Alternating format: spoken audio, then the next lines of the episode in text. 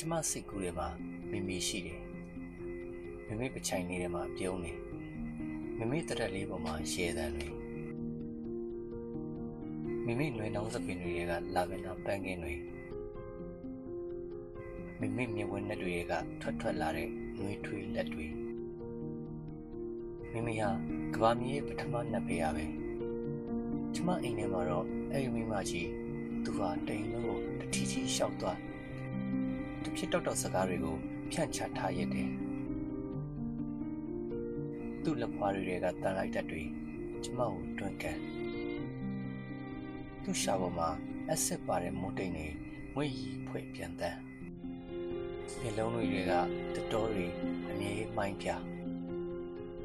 သူကိုယ်တိုင်ကရွှေလျားနေတဲ့အနက်ရောင်ချင်းနဲ့တော်ကြီးပဲ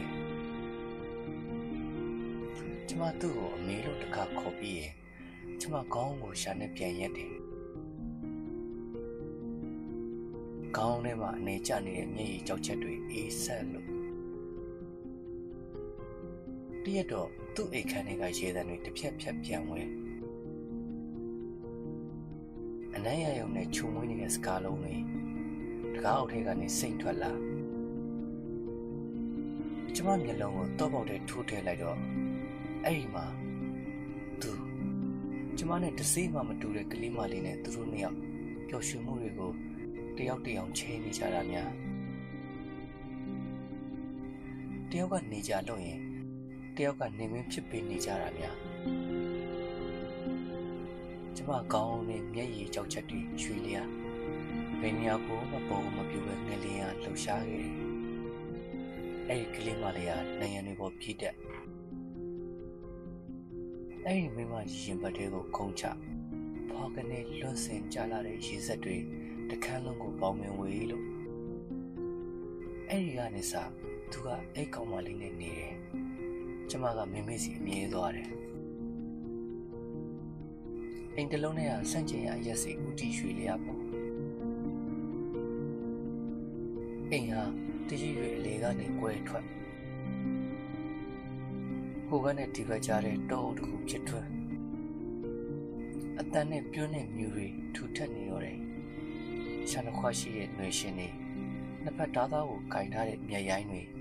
စိုက်ထားနေတဲ့မြူတွေမင်းနဲ့နေကြတော့တယ်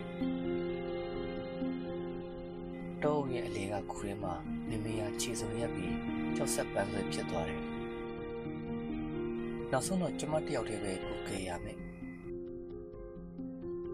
ကျမရဲ့အော်လန်မှာတစ်ချောက်ပင်ကလိပ်ပြလင်းတို့တွေအလန်တကြားပြန်လို့သွားကြတယ်တခါတခါအိမ်ခန်းထဲကိုဧည့်သည်တွေရောက်လာတဲ့ကြားဘသူကများအိတ်ခံနေတာလည်းမသိရငလင်ဟာဆက်ပြီးလှူရှားနေခဲ့ကြောက်ဆက်ပန်းဆိုမိမိငလင်မှာတစားစီကျွေတော့ ကျမကောင်းတဲ့ကမျက်ရည်ကြောက်ချက်တွေနဲ့အမေကိုပြန်ထုစစ်ပေးခဲ့ပြီးတော့ကျမစောက်တည်ရမရတာနဲ့ကျမကိုကျမပြန်မွေးပြခဲ့တယ်မွေးလာတဲ့ကလေးဟာအသေးလေးဒါပေမဲ့ကျမသမီးလေးကတော့အသက်ရှင်နေ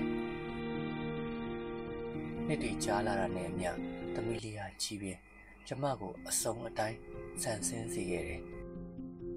ကြီးကောင်ဝင်လာတဲ့အသေးလေးကတော့ကျမကိုအသေးလိုကြည့်အသေးလိုကြားအသေးစကားပြောပြီးအသေးလိုပဲဆက်ဆက်ခဲ့ဒါကြောင့်သမီးလေးနဲ့ကစားနေတော့အသေးလေးရှိတဲ့တချမ်းလုံးပျောက်ဆုံးသွားမှမသိလိုက်တာ